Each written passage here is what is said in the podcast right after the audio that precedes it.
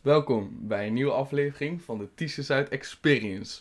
Vandaag wil ik het met jullie hebben over een inzicht dat ik ooit heb gekregen genaamd een nee heb je en een ja kan je krijgen. Dit wordt een korte, korte podcast waar ik het over ga hebben, dus laten we gelijk uh, erin duiken. Ik was ooit een keer in Rosette, in Arnhem is dat, bij een bibliotheek met een vriend van mij. En toen was ik ongeveer 16, 17 of zo en toen blode ik nog best wel veel. En toen hadden wij geen vloei meer. En ik, 16 jaar, durfde niet zomaar aan iemand op straat te vragen: hey, heb je een vloeitje voor me? Of ik veel wat. En uh, ik weet niet meer of het verhaal helemaal klopt, in ieder geval. En ik vroeg dus aan een jongen uiteindelijk toch van... Uh, yo, waar, of weet ik veel wat, waar kan ik vloei kopen in de buurt of zo? En toen zei hij, ja, kan je ook gewoon mij eentje vragen hoor. Toen zei ik van, ja, heb je ook wel gelijk. En toen zei de jongen tegen mij, ja toch, want een nee heb je en een ja kan je krijgen. En toen opeens, had ik inzicht, jongen.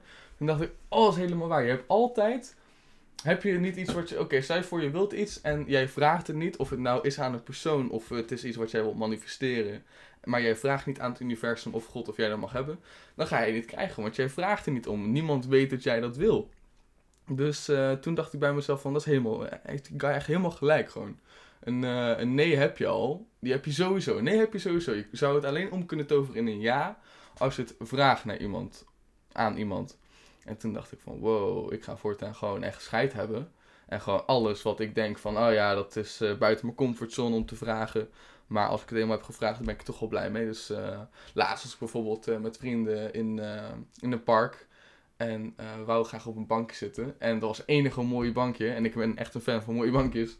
Enige fan enige bankje uh, daar die mooi uitzicht had.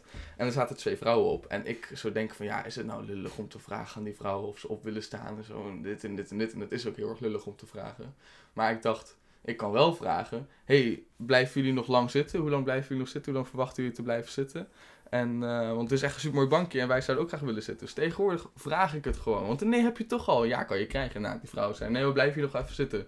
En dan zeg, ik natuurlijk, ah, geen enkel probleem. Dan, uh, dan ga ik wel ergens anders naartoe. Ja, dat maakt mij helemaal niks uit. Ik had het leuker gevonden als ik er wel kon chillen. Maar als ze er graag willen blijven zitten, ja, geen enkel probleem. Dan uh, is dat jouw plek. Jij was er als eerst, dan heb je helemaal gelijk.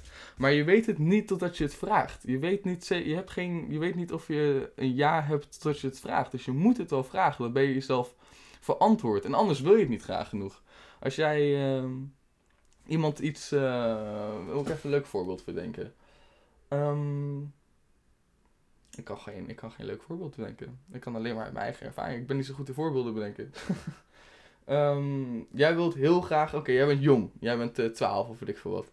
Jij wilt heel erg graag een fiets van je ouders. Maar jij, jij, wilt, jij, wil, jij weet niet Jij wilt het niet vragen aan hun, want uh, dat, uh, dat vind je kut om te vragen, weet ik veel wat.